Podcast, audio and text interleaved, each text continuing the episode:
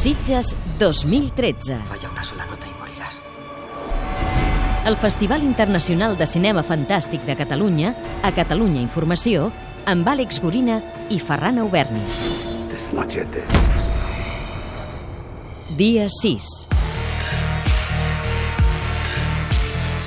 Totes les expectatives estaven dipositades en la nova proposta esteticista de Nicholas Winding Refn, Only God Forgives, sobre la venjança d'una família americana a Tailàndia. Al final, però, qui es va endur els millors aplaudiments d'ahir va ser Hooked Up, una producció molt més humil, un sorprenent exercici d'estil de terror apadrinat des dels Estats Units per Jaume Collet Serra, bon coneixedor del gènere.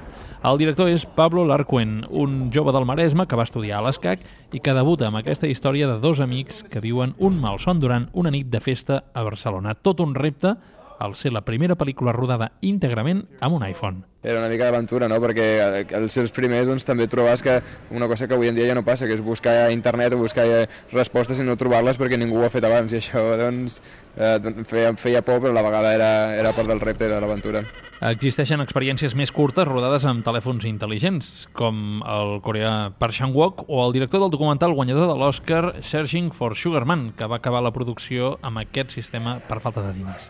Tot i així, cal dir que l'atenció funciona al marge de la tècnica i és una bona carta de presentació per un jove que de petit somiava ser Steven Spielberg. A mi el meu referent principal de tota la vida ha sigut l'Spielberg sempre. El meu somni havia sigut fer un, un parell Juràssic, una, una pel·lícules que són com un parc d'atraccions, que és una experiència d'anar al cine, veure una bona història, però també que tingui la part aquesta d'espectacle, de, que és el que, el que m'agrada a mi quan veig una pel·lícula.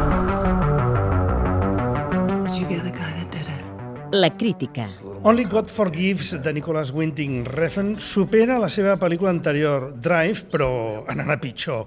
És a dir, aquella tendència fàcil de percebre el narcisisme i l'autoconsciència d'autor amb estil i admirat, el du ja directament al desastre.